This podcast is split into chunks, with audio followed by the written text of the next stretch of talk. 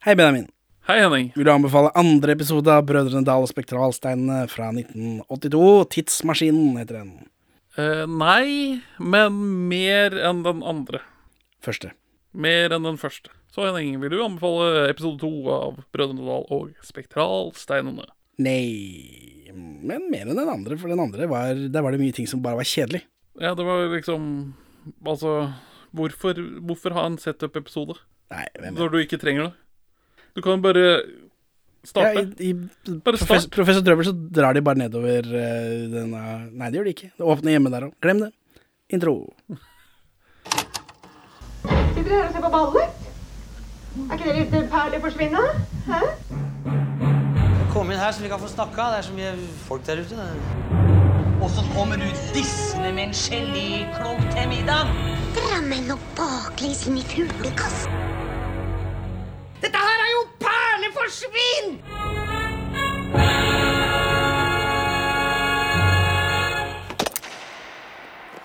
Velkommen til Perler forsvinn, podkasten for deg som dreper all nostalgien din, sakte, men sikkert. Jeg vet ikke. Vi er to middelmådige menn i 30-åra som ser norske filmperler og TV. Og Bødrendal er så vidt TV. Det er også så vidt underholdning. Det er Ja, nei, det, det er vanskelig. Fant du ut hva det var?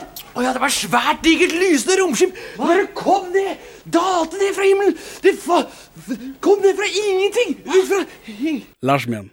For hvem er egentlig Lars Mjøen, Benjamin? En arisk mann? Jeg vet ikke. Jeg husker ikke helt Jeg tror jeg har kommet i skade for å kalle han en gal tromper før. Ja. Men det er Herodes falsk. ja. Det er For nå har jeg, jeg må jo Som eh, samvittighetsfull podcaster så må jeg jo ettergå mine egne utsagn og um, fordommer. Eh, Og når jeg sjekka, da, så er Mjøen dagens Mjøen, da. Den han som eksisterer nå. Nå har han jo heldigvis sluttet å tweete. Uav, eller uvisst hvorfor. Det kan hende at uh, hans eh, Pentium 3 Windows 98-maskin har uh, lagt inn årene. Ja, han har ikke tweetet siden april 2018, men jeg har sett gjennom dette, da, fordi liksom Hvem er Lars Mjøen? Han er jo ikke en gal antivax-tromper, det er Herodes Falsk. han tweeter ennå. Og han har jo eh, Herodes Falk har også en gal hjemmeside, så jeg. Ja, men det har jo også Lars Mjøen hatt, men den har han slutta å betale for. Så det, domenet er ledig. Men Herodes Falk sin hjemmeside var veldig mye galere enn jeg først skulle eh, gjette. Ja, jeg har ikke giddet å trykke på det, jeg bare ser han henviser til det når jeg sjekka dette. Og mener jeg det på ekte. Han virker, fremstår som psykisk syk. Det er, det er litt sånn John Cons-aktig stemning over eh, ja, Det er en psykisk syk fyr som har en veldig intens blogg. Ok. Ja, ja. Men dagens eh, Lars Mjøen, han er, virker da, for meg, sånn sett utenfra, virker det å være konservativ, ja, men kanskje mest en bitter gammel gubbe. Ja. Det jeg kan spore han. Han blir jo som sagt eh, mer eller mindre borte fra internett. eh, Eller hans Uh, ufiltrede tanker blir borte fra internett sånn rundt 2018. Um, men her er det noen smakebiter, da, fra denne Gni meg i hendene. ja, dette er jo gamle tweets da fra han 31. januar 2018. Nå må denne hashtag regjeringen snart gjøre noe med hashtag været. De kan ikke fortsette å skylde på byrådet. Dette virker jo faktisk som et forsøk på humor. Ja, det meste er forsøk på humor. Ok. Det, men det er dette forsøket, da. Og hvilken vei sparker det? 29. januar 2018. Hashtag Sylvi Listhaug har visst nylig uttalt at jorden er rund. Nå venter vi bare på at skarpe politiske motdebattanter plutselig har kommet til at det faktisk er flatt. Ok, for Sylvi Listhaug, hun kommer med ellers med sannferdige utsagn som vi alle kan være enig i. Og så er det de re- de reaksjonære motdebattantene som vil fare med løgn. Det stemmer. Ja, skjønner. så det virker å være humor, da. Men så er 23. januar 2017. Ser ikke bort fra at hashtag Donald Trump kan få til noe som går kraftig utover andre som ikke fortjener det. Så han virker ikke å være pro Trump i akkurat denne humorvitsen. Forsøk på humorvitsen. Nei, eh, eh, det, det som slår meg, da, er jo at det er jo John Cleese. Ja, nok en konservativ eh, surpomp. Ja, men han er jo Han, er, han, er jo, han har jo stort sett bare teite meninger. Mot woke, mot kansellering, mot EU, dette, dette, dette. Men han var, og er, anti-Trump. Så kanskje de står litt sånn likt da på sine eldre dager. Altså originalen og kopien har Er det bare kopi? er det bare Lars Mjøen fortsetter kopien? Ja, hva, hva Eller har han kopiert Har han kopiert Monty Python så lenge at han nå er, liksom, er, er i den grooven? At liksom han, har nå falt oppi kopiere Monty Python-grøfta, og den leder den veien? Han ble etter John Cleese på et eller annet tidspunkt. Bare Flere tweets. 23. juli 2016. Bikkja mi, i store bokstaver, la en ladning dritt på gata her i Oslo i går, og jeg manglet poser. Men heldigvis, hashtag IS fikk høre om det og tok på seg ansvaret. det er, Er det- er, det humor? Er det konspiratorisk? Er, er liksom Nei, dette er jo bare Vet ikke. Eller, vet ikke. eller, er eller, er eller er en form for humor. Ja, men IS går jo ut og tar på seg ting, og Ja. det er ikke alltid de har helt belegg for det. Samtidig som lone wolf-terrorisme Altså, det er, altså Det er ikke sånn at de betaler royalties til IS, men hvis de liksom sier det, så Ja, ja. Men det er humor. 27. juli 2015. Hillary hashtag Clinton har brukt privat server til sine e-mails. Hashtag republikanere mener hun nå er så ond og sleip at hun heller bestiller for dem. Nei? Politisk snert, Lars Mjøen. Ja, og, Det er viktig å ha med. og så han er da mot republikanere. Sånn som John Cleese. Ja, og kanskje mot Hillary Clinton. Uvisst, altså. Men, men det er vanskelig å være for noen i den sfæren. Jeg noterer meg at uh, Mjøen ikke er hashtagens mester. Nei, og det, da. 22. juli Oi, 2015. oi, oi. oi. Hashtag amerikansk valgkamp. Skulle det bli Donald, prikk, prikk, prikk, dukk. Altså, hvis det blir Donald, så må du bøye hodet. Altså dukke. Donald Duck. Det, det, det er et ordspill. Ja, Ja, skjønner. Med, det liker du. Um, I det, det siste han promoterer, er i mai 2017, når han, Knut Lystad og Jon Niklas Rønning, som alle på Twitter hater, synger en oppdatert versjon av Se torsken for Norges Bank, siden torsken skal prydde de nye eh, 200-lappene. Nye den gangen, da. Nå de eksisterende. Så noe gammelt oppkult eh, tar han seg også tid til, da, innimellom all denne tweetinga. veldig bra. En forsker som forsker på torsken fant nemlig på å lage blå sedler fra havet. Så nå kan millioner av norske personer få lønn i torskekroner. Ja, blå torskekroner. Venstre på seddelen skjer det spennende ting. Der har vi laget et rektangel som flytende ring. Er den er norsk, det er torsk, ikke hyse og sild. Og hvis du vipper litt på seddelen, syns et fargespill. Og for folk i denne seddelen, det blir litt naivt. For overalt så har vi trykket ting med mikroskrift. Vi har et kobbertrykk som du kan ta og føle på. Og den gjennomgående streken er en sikkerhetstråd. Selve vannmerket-tankegangen er litt kul. For hvis du holder den mot lyset, syns en lundefugl. En båt til høyre er en ankekjetting, saken er grei. Når du vipper på den, ser du den beveger på seg. Torbjørn Egnen hadde rett, den lå for torske er.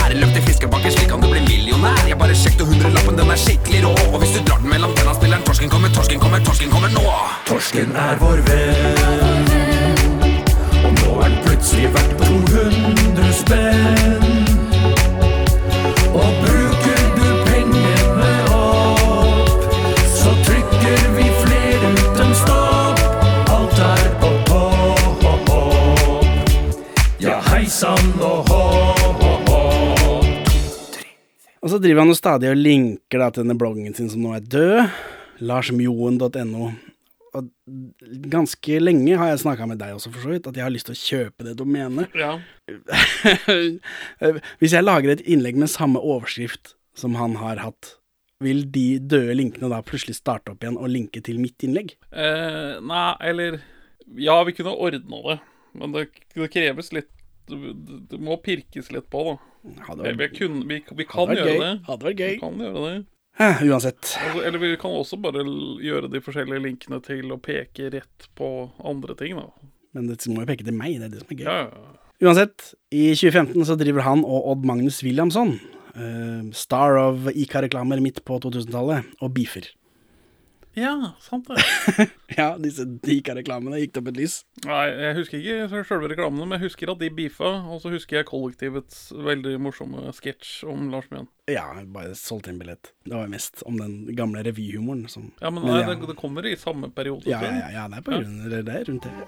Det er så utrolig mye man kan formidle fra en scene, og derfor har man et ansvar, selv om man er humorist. Til å formidle noe viktig. Si meg, fagre Tårnmøy, hvorfor har de ikke levert inn deres selvangivelse? Nei, en får vel ikke prostitusjon igjen på skatten? Jeg spiller deg ut! Må jeg alltid ut? Og hvordan går det med billettsalget? Så Foreløpig har vi solgt én billett, og, og den er det Lars Mjøen som har kjøpt. Men vi håper jo at billettsalget skal eksplodere nå som denne reportasjen kom på trykk. Men jeg fikk blankt nei, og konduktøren var ikke grei, så jeg sa dra til helvete med deg.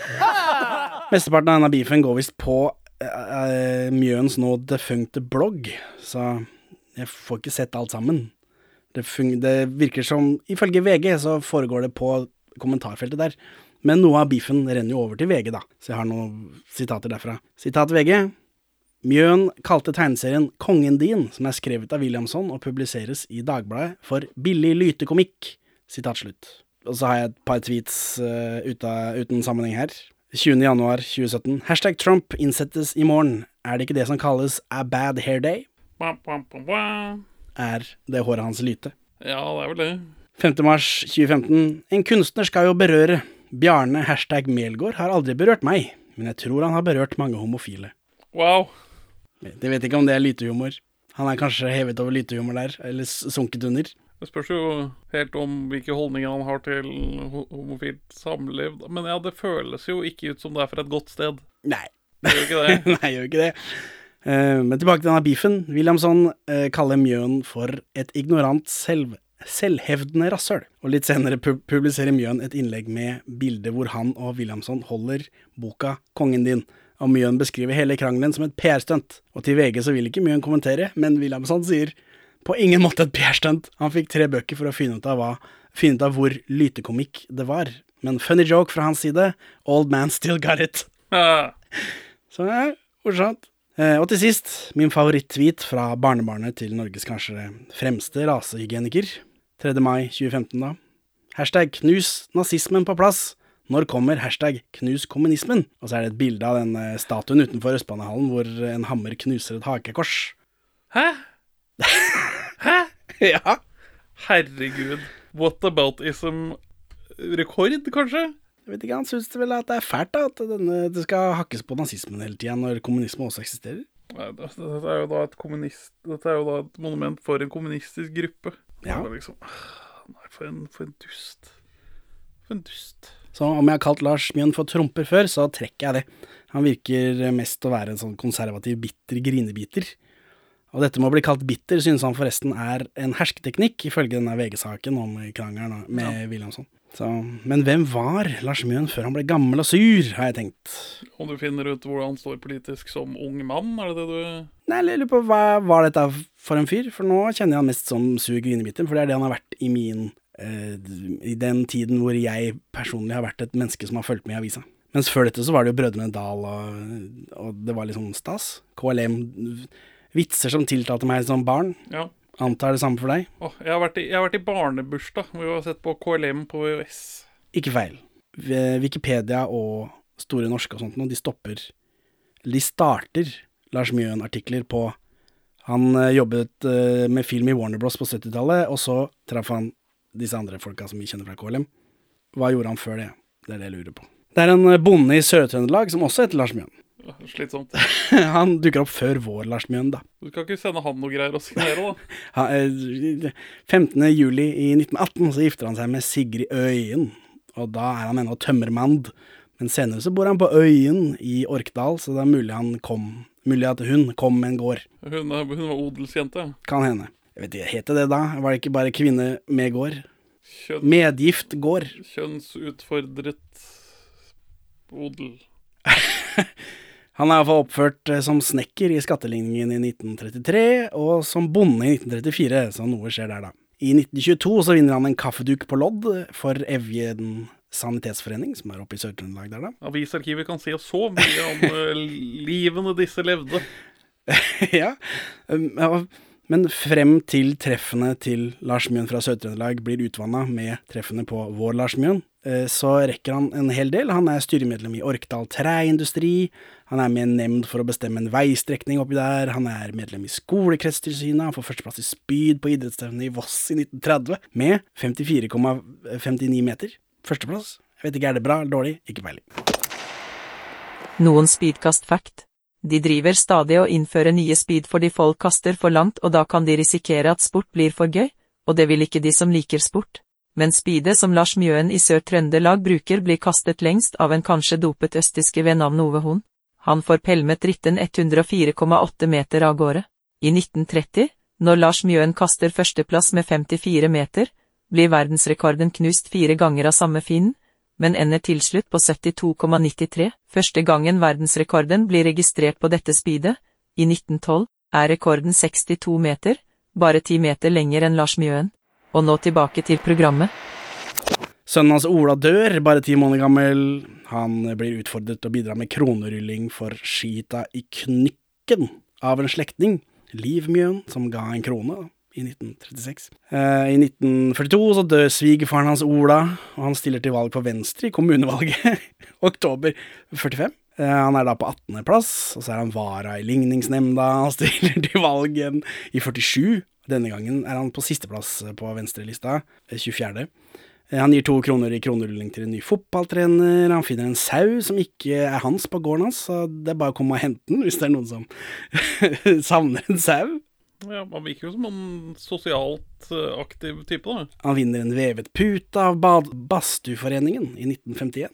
Han kroneruller en femmer for Orkdal sykehus, han fyller 60 i 1954.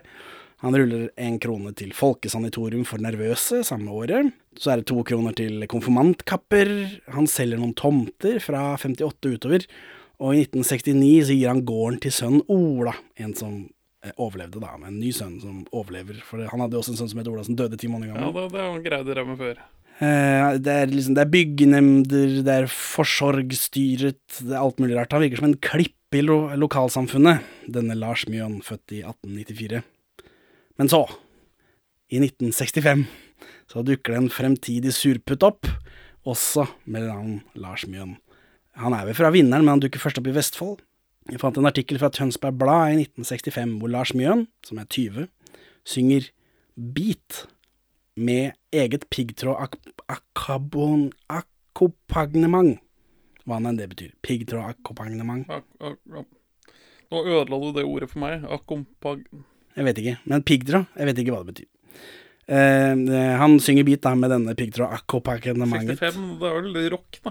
Og Det er, det er gitar som er skrudd litt høyt opp på forsterkeren, så det kommer litt sånn vring. Men han spiller i hvert fall i en sånn amatørkonkurranse på Ormelet pensjonat, og han taper for en tolv år gammel jente som spiller klassisk piano. Dommeren trekker frem akkompagnementet som for sterkt. Ja. Men Så det er her bitterheten begynner, da. Vet ikke. Vet ikke. Det kan ikke hjelpe å tape for en tolvåring, når man liksom er eh, en del av Mjøen-slekta. Heiberg Mjøen, sto det da han sendte melding til meg. Kristin Herberg er en tante han som var superstjerne i Nazi-Tyskland, Ja. som skuespiller. da. Dette virker, eh, altså denne konkurransen da, i Tønsberg, virker å være samtidig som han gjennomfører verneplikten sin på Haakonsvern, eller det virker som han blir igjen der en stund, etter at han har liksom tatt denne verneplikten. Så hvorfor han kommer seg fra Bergen til Tønsberg bare for å tape for en tolvåring, det vet jeg ikke. Det er billigere å reise med NSB når man er vernepliktig, da. Det er sant. Så lenge han har på seg uniformen. Yes, Men han og Åge Korsvold, som nå er pensjonert næringslivsleder, tror jeg, og har vært sjef i Orkla og sånt nå, setter opp revyen Otan oss tjenere av Nato samme året på Håkonsvern. Et militærrevy. Ja. Eh, så han roter tidlig i denne revysuppa, da. Bergen Arbeiderblad skryter av hans eh, herlige, i Gåstein, eller i sitat, da, herlige parodi på James Bond, Jens Bond, klassisk. Sorry for det. Avisen påpeker at en fyr i revyen snakker trøndersk, og det er visstnok det morsomste de vet. Så det sier litt om de som anmelder eh, militærrevy i, i Bergens Arbeiderblad i 1965. Eh, han, eh, Lars Mjøen da, driver også et underholdningsprogram hver onsdag i Velferden på Håkonsvern. Mens han avtjener På radio, eller? Nei, det er jo velferd, og så kommer folk og så ser de på, antar jeg. da.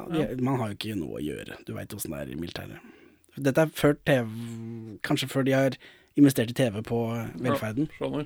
Eh, mens han holder på med dette Milta-greiene, så er han også i et sånt TV-panel i Bergens Arbeiderblad. Hvor han dømmer en TV-debatt som gikk på tiden. Jeg tenkte aha, dette er juicy, her er det noe politisk nært. Jeg fant ikke noe juicy sitater. Eller egentlig noe interessant derfra. Men eh, han stikker seg frem både her og der, da. Han har jo liksom blitt med i dette panelet, uten å si noe fornuftig, riktignok, uten å si noe eh, juicy, men han er jo med, da. Og han har jo meninger om politikk, for det er jo det dette innslaget var, uten at det, det kom fram noe spennende. Eh, Men så, endelig, vet du, finner jeg noe som han kan kanselleres med. Endelig skal du og jeg i Perleforsvin kansellere Lars Mjøen. Som jeg ventet. Det er et leserinnlegg fra Arbeiderbladet eh, 21. mars 1967. Er du sikker på at det er riktig, Lars Mjøen? Eh, Ja, det er jeg. Jeg leser hele dritten, jeg. Overskrift En kvinne er nå en gang en kvinne. Begynner bra. Veldig bra. En 18 år gammel gutt, F. Bestad, eh, som har et platonisk forhold til en 16 års pike, spør i MOM 17. 17. mars hva han skal gjøre. Altså, jeg vet ikke hva MOM er for noe, jeg antar det er et blad, eller om det er samme blad, eller hva det er for noe. Eh, om det er en spalte i dette bladet. spalte. Ja. Spør om hva han skal gjøre, i og med at en nabo til piken er uanstendig nærgående overfor henne. Men han har jo platonisk forhold til henne. Ja, Han men han, vil, han er friendzona, ja. Og så er det en litt mer innpåsliten nabo, da. Eller litt mer frampå nabo. Så at Lars Mjøen skal hjelpe denne 18-åringen med å beseire denne naboen, da, og dra med seg denne 16-åringen. Noen tips fra Lars Mjøen i 1967 her, da. Vanskelig, vanskelig tid å gi tips i, føler jeg. Unge mann, det kan se ut til at de har gått frem på en til dels gal måte overfor deres venninne hvis de helt har droppet temaet sex. Selvfølgelig er det respektabelt å holde seg i skinnet når piken ikke er mer enn 16 år, men prikk, prikk, prikk. Det er en kjensgjerning at piker nettopp i den alderen vil virke så voksne som mulig, og det er da ikke det minste rart at deres nabo med de seksuelle tilnærmelser får deres venninne til å føle seg som en kvinne. I gåsetegn, da, eller liksom en kvinne. 16-åringer har nemlig, i sitat, selv om de er små, sitat slutt, sine hemmelige drømmer og lyster, og hennes lite bestemte opptreden overfor den klåfingrede herre tyder på at hun ubevisst, altså parentes, spørsmålstegn, parentes slutt, liker det han foretar seg. En kvinne er nå en gang en kvinne, og seksuelle tilnærmelser appellerer til noe i henne dypt begravet, selv om hun bare er 16 år. Med andre ord, unge mann, ikke finn på noe så dumt som å skrive til foreldrene eller å oppsøke den ubehagelige nabo. Begynn å bli en smule klåfingret selv. Lars Mjøen, Velferdskontoret, SKØ, Horten. Det er morsomt. Er det det? Det er jo fælt å, å høre på, men det øh, ligger i samtiden og bla, bla, bla, da. Men Ja, øh, men, men vi, må jo, vi må jo se det i sin kontekst. ja, dessverre. Uh, og det er da 1967, The Summer of Love. Altså, det, er, det foregår en frigjøring av seksualmoralen mens dette foregår. Og så slår det ut på litt teite måter noen ganger. ja, så, men tipset det er uh... Han sier ikke 'voldta henne'. Bli litt klåfingret. Bli en smule klåfingret selv. Ja, Det er en klåfingret nabo, kan ikke du begynne å fingre en av 16-åringen? Ja, men, han- han, drar ikke så langt. Altså, der, og så sier hun nei, så mener hun det ikke. Det, han, er ikke han hinter til det litt Ja, han, her. han uh, formulerer det ikke i de ordene, nei. Men øh, Ja. Nei, det, det kunne vært verre. Ja, altså, men så skjønner jeg heller ikke hvorfor han føler seg kallet til å svare på dette. Han sitter jo da på velferdskontoret i Horten. Det virker som han prøver å sjokkere i sitt direkte svar, da. Tror han prøver å være morsom. Kan hende, men, men, men hvorfor? Når, du, når jobben din er å drive på velferdskontoret der, hvorfor skal du svare på dette? Han skal vel få det i avisen, klippe det ut, og så henge det på korktavla inne på velferden. Ja, kanskje, men det sier noe med om oppmerksomhetssjuk, da. Men nå er han jo vokst opp i en familie med folk som eh, holder på med teater og film og sånt noe. Men er han Og eugenikk. Nå husker jeg ikke tittelen, men han, men han er velferdsbetjent? Er det, er det så å forstå? Ja, han jobber på velferden, virker det som. Nå, Dette er jo fra Horten. Han har jo vært i Bergen en stund. Folk som ikke har ekte soldattjeneste i, i førstegangstjenesten? Han er jo der, han er jo da i marinen, da. Men dette er jo etter. Etter førstegangstjenesten, antar jeg. ja, ok. Nå er vi jo i 60 Han var jo 20 i eh, 65, nå er vi 67. Så, så han har gått videre som velferdssersjant. Eller velferdsoffiser.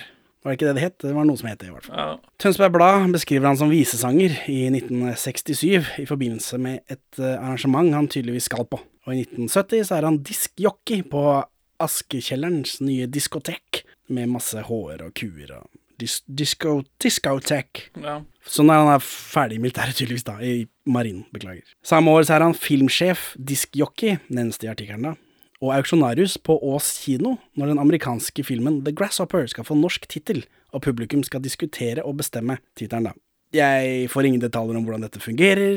Jeg klarer ikke å finne ut hva de bestemte seg for. Det er liksom ikke noe detaljer. Man blir jo nysgjerrig, da. Ja, skal de auksjonere bort navnet, et nytt navn til denne filmen? Hjelp, en gresshoppe. Eh, Det går i diskjockey og gitarspilling, egentlig, sånn fremover, stort sett.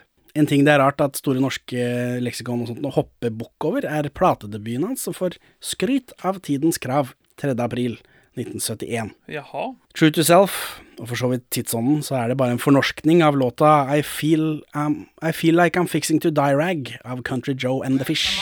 General, let's move fast. The old big chance has come at last. Gotta go out, get those reds. The only good commie is one that's dead. And you know that peace can only be won when we're going to all the kingdom come. And it's one, two, three. What are we fighting for? Don't ask me, I don't give a damn. Next stop is Vietnam. And it's five, six, seven. Open up the pearly gates. Well, there ain't no time to wonder why we all gonna die. Denne låta gikk til topps i Sverige i 1969, og det er godt nok for en hvilken som helst nordmann til å bare fornorske den. Selvsagt, selvsagt. Det er jo fristende å skylde på Lars Mjøen, da, men alle gjorde dette. Det var en sånn sykdom i norsk pop. Låta er en mørk eh, satire og protestsang mot Vietnamkrigen, og det samme er Mjøens låt, men det er ikke helt det samme, da, siden han ikke står i fare for å dø i Vietnam. siden han er norsk, og dette går på norsk. Så, men igjen, jeg tror ikke jeg skal legge det for hans føtter. Det er, det er denne tidsånden. Samtiden hans, dessverre. Generaler, sett i gang. Sjansen er kommet for avansement. Gå nå ut og skyt en rød, for en bra kommunist, han er bedre død. Du vet at seieren kan bli vår, dess flere fiender du flår. Syng en, to, tre, si meg hva vi kjemper for. Ikke spør meg, jeg gir ham faen. Neste stopp er Vietnam. Syng fire, fem, seks, perleporten åpner seg. Ja, nå er det tid å si adjø. Hurra, vi skal ned og dø. Mjøens versjon heter Hurra vi skal dø-rag, forresten. Ja. Tidens Krav liker det. Liker låta. Jeg, jeg, jeg ler av titterne. Ja, men det er jo bare en fornorskning av I feel like I'm fixing to die rag. Og de sier, eh, Tidens Krav da, sier i sitat Og så lenge han holder seg til slike enkle, friske og kommersielle melodier, må Lars B-siden på denne plata hans er hans egen, da. Sprettende Ludmilla. Som har en sang som handler om en lekker prostituert som han blir med hjem. Ja. Drammens Tidende og Buskerud Blad beskriver den som litt på kanten. Oi. Farlig. Den låta minner litt om rock'n'roll fiskeball, syns jeg, men med mer gitarsoloer og utrolig mye styggere tekst, selvfølgelig.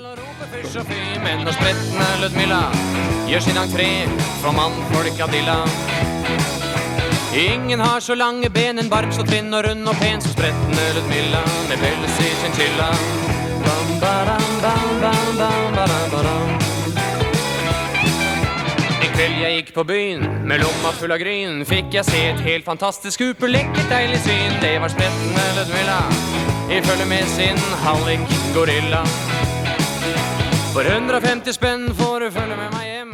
I 1971 sender han inn tre bidrag til Melodi Grand Prix, men blir refusert. Til Fredrikstad Blad så sier han sitat Det var synd for Grand Prix. Sitat slutt. Kort og godt. Ja, Den samme avisen sier han til daglig jobber i filmbransjen, men artikkelen er om han som diskjockey. Og jeg har ikke sett spor av han i aviser i forbindelse med film før. Men det kan hende han jobber hos Warner Alt, da, som er liksom der alle biografiene i leksikon begynner. Mm. I denne artikkelen i Fredrikstad Blad så går han under Den syngende DJ. Oi. D.J. da. For før så har det bare vært diskjockey. Så nå har de begynt, i- på i 1971 så har de begynt å forkorte det. Nå begynner vi å bli hippe. Ja. Og den singelen hans, denne Jeg tror vi skal dø blues, eller hva faen det er for noe, rag, Ja. den Den dras fram i alle annonser. Den syngende DJ Lars Mjøen. eh, Hjelp, vi skal dø, rag. Den, liksom, det er så tydelig at den har vært en hit. Har hatt noen som helst impact, da, siden den dras fram hver gang. Som liksom Kom og se han som har den ene sangen. Kan, kan ikke si at jeg har møtt den i Det Fri noen gang. Lars Mjøen. Nei, den vet jeg. nei, nei, nei. Nei, jeg tror ikke den er- eh, Han har jo relansert den også, for han har jo Han som oss, Frampek, tror jeg, eh, drar fram ting fra arkivet noen ganger og gir det på, på nytt. Ja, det får jeg opp i noe han er, han er vel med på noe perleforsvin-greier òg, er han ikke det? Jo, han og, og Knut Lystad har jo også en skive som heter Perleforsvin, så her er det vi som aper etter dem. Så naturligvis. I desember 1971, da, samme året, så beskriver Moss Dagblad han som Norges topp-DJ i en annonse. Så han har visst steget til DJ-gradene. Men to dager senere så står det 'Kveldens topp-DJ'. Så hvem vet, er han topp-DJ bare for den kvelden? Er han topp-DJ i det hele tatt? Hvordan fungerer dette DJ-hierarkiet i Norge? Ja, det er, ikke, det er ikke flere DJ-er på dette arrangementet, så han er kveldens topp-DJ, og det er bare én DJ. Hvem vet. I desember 1971 da, så dør kona til Lars Mjøen i Trondelag. Tilbake til han. Ja. Da er jeg med. Og i 1972 så selger han møblene sine på auksjon. Det er kjempetrist. Trist, ja. I, I 1972 eh, så dukker Sure Lars Mjøen, vår Lars Mjøen, da, opp i radio. Og det var jo bare én kanal den gangen, så det må jo ha vært store greier. Jeg tror, um, når kommer P2? Og lenge eller etter dette. Det er bare én kanal. Jeg har sjekka det. Jeg sier jo ikke det uten at det stemmer. Ja, ja, ja, ja. Eh, og, og Lars Mjøen leder Grammoforum, det siste programmet på onsdag. Altså i sende... Grammoforum. Grammoforum. Flott ordspill. Sømløst, vil jeg si. Det handler om nymotens filmmusikk. Altså musikk som blir brukt i film, for det er tydeligvis noe nytt. At, eh, de nevner The Graduate, da. Den med Dustin Hoffman. Ja. Hvor Mrs. Robinson og det greiene der. At liksom Wow! Tenk at det går an å bruke popmusikk i Pop. ja, i talende biografier. Biografer. Eh, liksom, ja. det, det, det var liksom det nye, da. Tydeligvis. Så det, det programmet handler om det. Han driver med det litt sånn fram og tilbake. Og her antar jeg at han jobber i Warner Bros allerede, siden han presenterer filmmusikk. Eh, om ikke det er denne radiogiggen som gir han den jobben i Warner Bros, det er litt sånn usikker. Han har jo blitt referert til som å jobbe i filmbransjen før. Eh, men i eh, 1974 så pusher han Steve McQueen-filmen Papillon for eh, Warner i avisa. Ja. Så da Nå jobber han for Warner i 1974. Så da vet vi jo hva han drev med da, fram til Store norske leksikon tar over eh, historien. Da jeg fylte inn i, i underkant der. Han er 28 år da, på, i 1974, så han har jo holdt på en stund. ja, begynner å bli, begynner å bli gubbe. Fordi disse ja, Store norske notene sier på 70-tallet. Kan det være når som helst. Han kan jo være 30, han kan være midten av 20-åra. Det er veldig upresist, da, syns jeg. Syns det var rart at det sto sånn. Men han har vel diktert den selv, kanskje. Veldig mulig. Samme året, altså 1974, eh, så slipper han den første soloplata si. Ikke den første var en singel. Dette er jo liksom plate, da. Et album, en LP. Ja. Avisen har nevnt noe om et samarbeid med Bjørn Morrisse, men jeg gadd ikke å lete i det. Men dette er første soloplata, da. Bjørn Morrisse, drar du kjensel på det? Morrissey. Nei, Morrisse, han er grunnen til at Lillebjørn Nilsen heter Lillebjørn. For han er Storebjørn i The Young Norwegians. Skjønner, skjønner. Ingen kaller han Storebjørn. Alle kaller Lillebjørn for Lillebjørn. Denne skiva til Lars Mjøen da heter Singing in the Brain. Wow. Så film, ordspill, alt han liker. I et intervju med Arbeiderbladet i den sammenhengen, da, sammenheng med den skiva, så vil han trekke fram spretne Ludmilla og en låt som heter Dracula. Ja. Og Dracula, eh, dette er jo en idé han, en idé han ikke vil legge fra seg. Det er en Dracula-sketsj i Professor Drøvel. Denne filmen, noe helt annet, handler om en vampyr. Det er liksom Det er tydelig at dette, Jeg antar dette kommer fra Lars Mjøen hele veien. Ja, de, de er jo veldig opptatt av blod i slekta hans. Det er de. Den var jeg fornøyd med. Ja, Den var jeg bra, fornøyd med. bra. Han har skrevet de fleste av de 14 låtene selv, som jo er sjelden varere på den tida her. Bortsett fra én fornorskning av en Paul McCartney-låt. Hvilken da? I Will. Ikke Jeg dro ikke kjensel på den. Og så er det fire låter hvor teksten er skrevet av André Bjerke, av alle mennesker. Ja. Dikteren og krimforfatteren André Ja. Bjerke. Han som har skrevet boka bak De dødes tjern. Han spiller vel også i filmen. Et sitat fra intervjuet. En fremmelig 28-årig i Oslo-gutt, Lars Mjøen, har i disse dagene den frekkheten å sende ut en visesang-LP med den uttalte ambisjon å utvide norsk visehumor til å omfatte noe mer enn bare Øystein Sunde. Sitat slutt. Det påpekes at dette er humoristisk ment da, i artikkelen. Ja, skjønner. Ja, for, men for Det kommer jo ut noen sånne visesang-humorplater som Ja, herregud. Vi snakker jo om humor-visesang-pesten i Norge i episode 29, vel? Den sagaen om Olav den hellige episoden. Ja. For Primavera også kommer ut av dette. Jahn Teigen også kommer ut av den derre humor-visesang-bølgen. Harald Heide Steen har vel noen skiver og Ja, men jeg føler ikke at han dukker opp der. Nei. Nu vel. Ikke mer eh, Mjøen nå på en stund. Et par år senere så jobber han med Knut Lystad, resten av dette er jo historie. Og i april 2022 så nekter han å hente en pakke fra meg i posten. og jeg får en fiende for livet. Ja. Lars, Mjø Lars Mjøen i Sør-Trøndelag dør i 1979, 85 år gammel. Det var hans minne. ja, absolutt. Han, men han virker jo mer som en, en mindre bitter og grinete fyr. Han er jo en fyr som liksom gir tilbake til altså, er, Lars Myhren i Sør-Trøndelag, ja. Ja, ja, ja. Det er derfor jeg har med hele greia. Han, fordi han, det var så veldig sånn juxtaposition. Her har du en surmagret uh, riking, grinebiter med lange aner tilbake i nazismen. Og så, og så har du denne eh, Salt of the Earth-typen som er med i masse lag og gir penger til alt mulig dritt. Som liksom er en, en Virker å være en, en, en støttebjelke i den lokalsamfunnet. gode Lars Mjøen og den onde Lars Mjøen. Ond er å ta i, men uh, den sure grinebitete fyren, da. Som ikke vil hente pakka mi på posten. Hadde, hadde Lars Mjøen bare henta pakka mi på posten, så hadde vi vært bestevenner, det er jeg helt sikker på. Jeg hadde to sider med fanbrev om hvor flott og flink han var. Kasta i søpla. Jeg legger jo ved noe pent, Ja, ja, sånn, du- for at de skal bli mer uh, Ha lyst til å signere. Men ikke den fyren der. Kom igjen, bare parker. Og så kom det en svært, gigantisk, lysende romskip. Bare falt rett ned foran beina på meg! fra ingen sted fra. Bare løse lufta. Falt ned, rett ned. Svært lys som bare Og så falt Ja. Vi går rett på. Romskipets dør åpner seg, da. Og så er det en fyr som skyter med laserstråle mot roms, og så stikker dette romskipet. Fornøyd? Ja, dette det, jeg, Dette Dette, dette er eh, god, godt, god analog sci-fi. Ja, og her er det noen metagreier, og meta liker vi i podcasten. For hjemme hos Brødrene Dal så sitter Gaus og fisker i stua, som er barnehumor. Men han plystrer Eye of Wendor, den uh, sluttlåta. Og det liker jeg. Og så får han en støvel i akvariet, og så jeg, jeg bare blir så forbanna. Det er barnehumor. Jeg skjønner at dette er ting barn vil sette pris på. I motsetning til mange andre ting her. Skibbity Toilet er det de syns er morsomt i dag. ja, det er sant. Men Jeg vet ikke er om på Skibbity 80-tallet.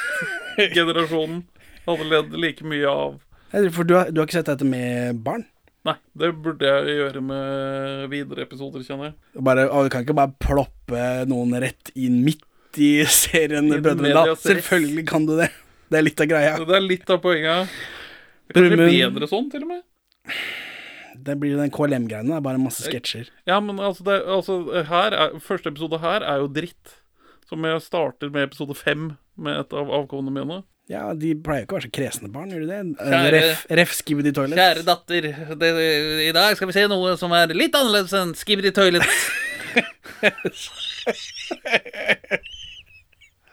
oi, oi, oi, oi. ai. Skibidi jævla Uh, Brumund sitter og vifter med noen vinger. Han prøver å fly. Vet du at her, nå, in canon, in Cannon Brødrene Dal, så er Brumund gift. Oi, nei, det visste jeg ikke. Nei. Ja, for i mysteriet om Karl 12.s gamasjer så avsløres det at uh, Brumund har vært hemmelig gift i 25 år, og den kommer i 2005. Ja. Så han er jo da gift i 1980. Så her, for han bor hemmelig og er hemmelig gift med sin hemmelige kone, som han bare har på rommet, i 25 år. Ja, for de bor sammen i barndomshjemmet. De bor, alle disse tre bor jo sammen, og det har de gjort hele tiden. Og Brumund har en hemmelig kone som også bor der. Så hun, jeg antar hun har flyttet inn allerede, siden de har vært gift i par år og alt. Ja, det skulle man jo tro. Så, så det er noe å tenke på. Så i, i, i ret, altså, retroaktivt så er det en kvinne på rommet, antageligvis, da, mens denne scenen utspiller seg. Ja. Det, det er gøy. Det er gøy. Roms kommer løpende inn og er gal, da, for å fortelle det han har opplevd. Han, han har jo et sånt Gry Jannicke Jarlum-øyeblikk.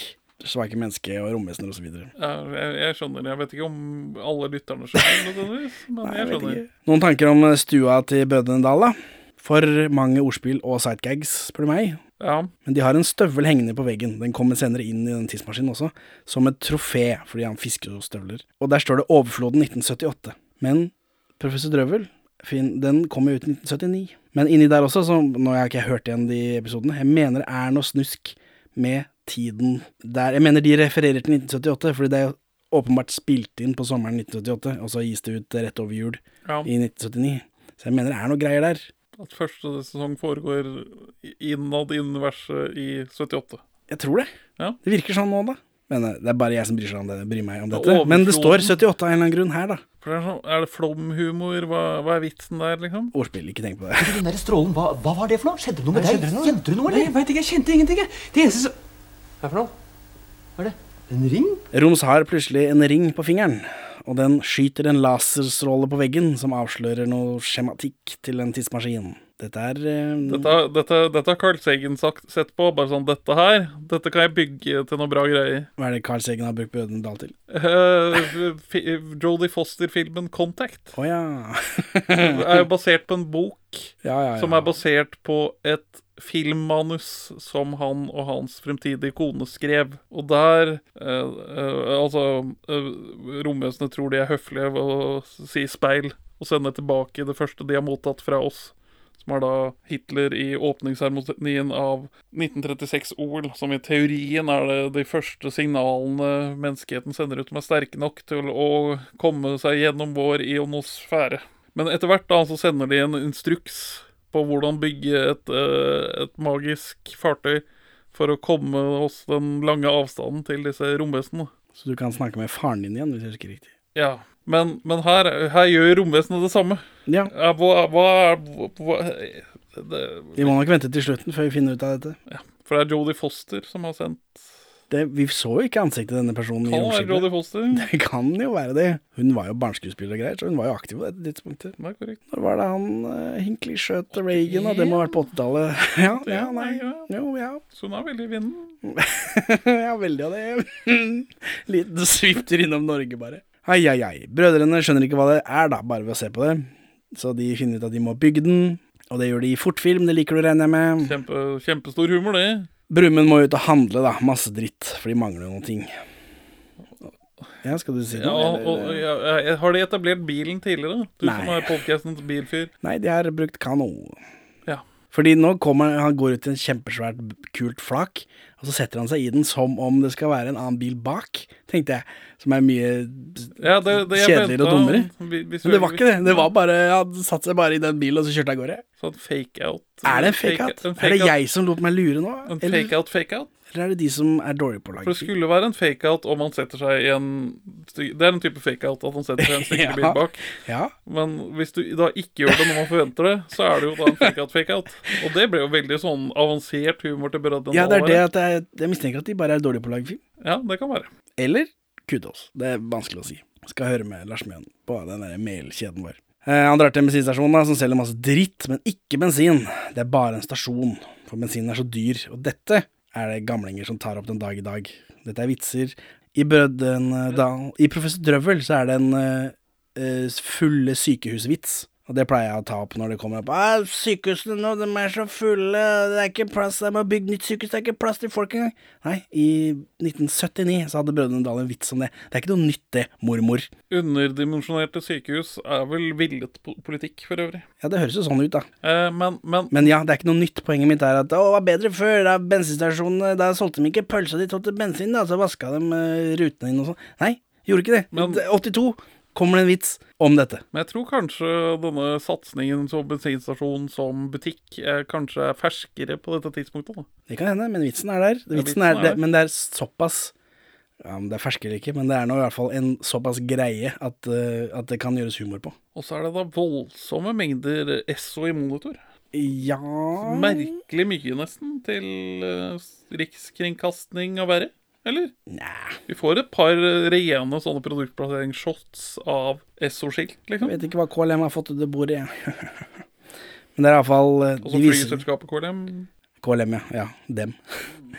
Det viser enorm restraint, syns jeg. Restraint. At ikke de bare har en fyr som handler i fortfilm. Her har Ja. de ikke hatt fortfilm. Helt utrolig. Det er imponerende. Og så er det veldig mange ordspill da, mens Brumund venter på han fyren som henter masse ting. Blant annet et om New Jordal Swingers. I reisebyrået kan de i dag få kjøpt flybilletter til Sinsen til dobbelt pris, og i restauranten i toppetasjen spiller i kveld Jan Garbarek, New Jordal Swingers og Per Asplin bingo. Dessuten gratis kaffe til alle som nekter å betale den. Dette er jo en uke etter den eh, Nei, dette er en uke etter den episoden vi så av Halv sju, hvor New Jordal Swingers er med. Ja. Så nå er det jo da Det er vel fem dager før halve bandet blir utradert eh, av denne steinen. Ja, og i dette, i denne serien som handler om å finne stein.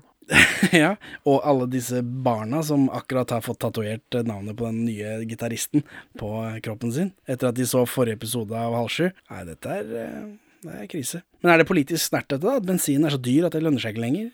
Stasjonen er eneste som lønner seg? Jeg, jeg vet ikke hvordan hva OPEC-landene driver med akkurat nå. Nei, men er det politisk nært?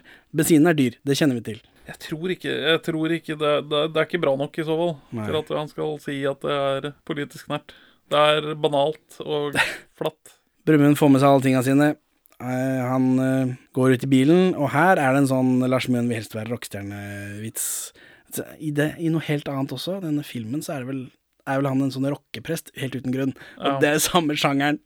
For her er det et rockabillyband som spiller oppi bilen til Brumund. Fordi de ikke klarer å dra forbi et flak, som du kaller det. Dette, Ja, sa de det òg? Jeg er ikke kjent med dette begrepet Ja, flak. nei, svære amerikanske biler, det er flak. Ja.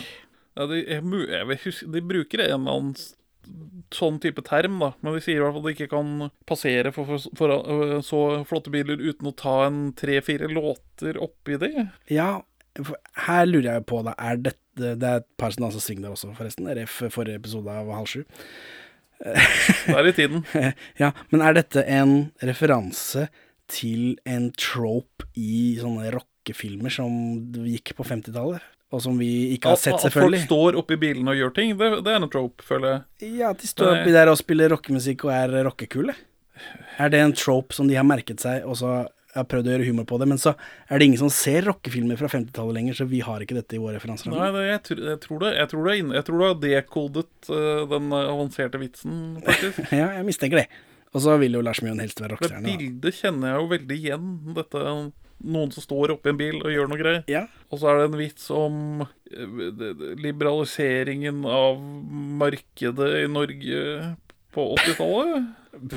Hvilken vits? Ja, nei, når han, skal, når han får alle varene fra eh, stasjonsbetjent ja, altså, Og så er det betaling, da. Og så betaler ja. han for alle disse da Ja, stasjonsbetjenten betaler Brumund for alle disse tingene. Fordi det er tilbud eller noe sånt. Da. Nei, fordi konkurransen er så hard. Ja. Og dette, dette, dette er, det, det er vel politisk snert. Ja, kanskje. Det er vel det. Det er vel det, da. Brumund kjører hjem, og så da kjører han forbi et annet flak hvor dette bandet da står og spiller, for de klarer ikke å gå forbi. Eh, og vel hjemme så gjør de tidsmaskinen ferdig, men de vet fortsatt ikke hva det er. Dette hadde vært en kul rekvisitt å ha hjemme i garasjen, tenker jeg. Det er korrekt. Jeg lurer på hvor den er nå. Den Ja, må jo være et sted. Det må, ja, må ikke. Ting blir kasta og brent og Ja, men den burde jo være et sted. Tidsmaskinen heter Stjernegris, som er en referanse til Elvegris, da, som er den kanoen i forrige serien. Oh, ja. Mm, som er en referanse til Tigris, i tillegg til at den går på en elv som Wow, dette er et, dette er et fungerende ordspill. Et av de få fungerende ordspillene i Brødrene Dal. Eh, men når vi går inn i denne tidsmaskinen, så får vi plutselig sånn powershot fra Roms Nei, fra Gaus. Ja. Som er veldig forstyrrende, for sånne pause brukes jo til å Altså point of view shot. Vi er inni huet til Gaus, vi ser det han ser. Det brukes jo ofte for å skjule noe før man skal skremmes i skrekkfilmer og sånt noe. Ja. Så her tror jeg jo at, jeg skal, at det skal skje noe, at det skal være noe grusomt, men, men det skjer ingenting. Det var bare rart. Det er vel bare for å vise frem rekvisitten, kanskje? Kanskje. Dynamisk og fint. Ja, eller det er iallfall noe nytt og annerledes, da. Det skjer noe. Det skjer noe, det er viktig. Så ved en dum tilfeldighet så setter de steinen til Roms på rett plass, denne som han gravde opp i forrige episode, og så reiser vi i tid uten at noen vet det ennå, da. Eh, og så blir ringen til Roms borte. Brumund åpner døra, og dam, dam, dam, men ikke dam, dam, dam, for den lyden har jeg ikke tatt med. Plutselig er det ute på en eng, episode slutt. Dam, dam, dam, dam. Nei, ikke den. Hvor i all verden er det blitt av huset til Brødrene Dal? Er det blitt revet og gjort om til nasjonalpark?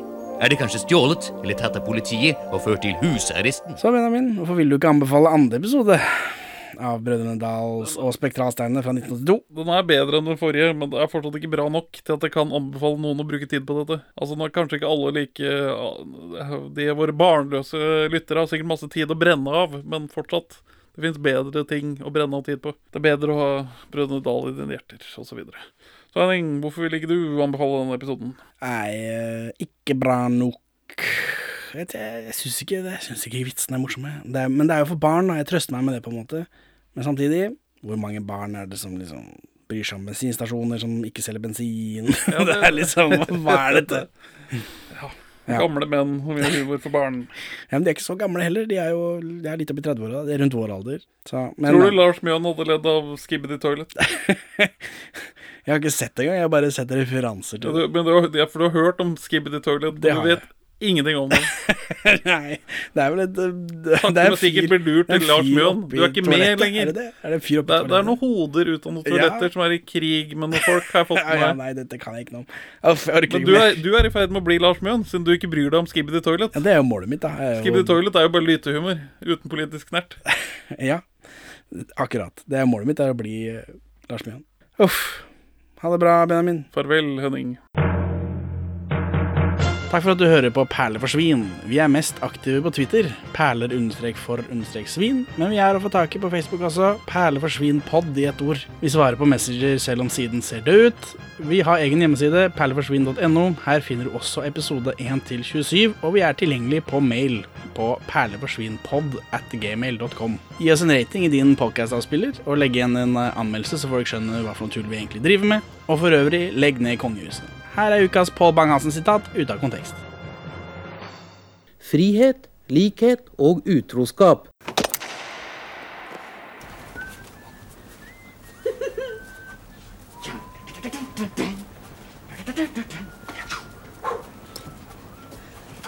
Mikrofonen din skal være så langt borte, eller åssen er det? Jeg vet ikke om han flytter seg. Den bare Den flytter seg litt, men jeg har så bærende røst at det burde ikke være noe problem. Nei, ikke annet enn at du blir lenger og lenger borte. Høres ut som du sakte går ut av studio. Nei, ai, ai.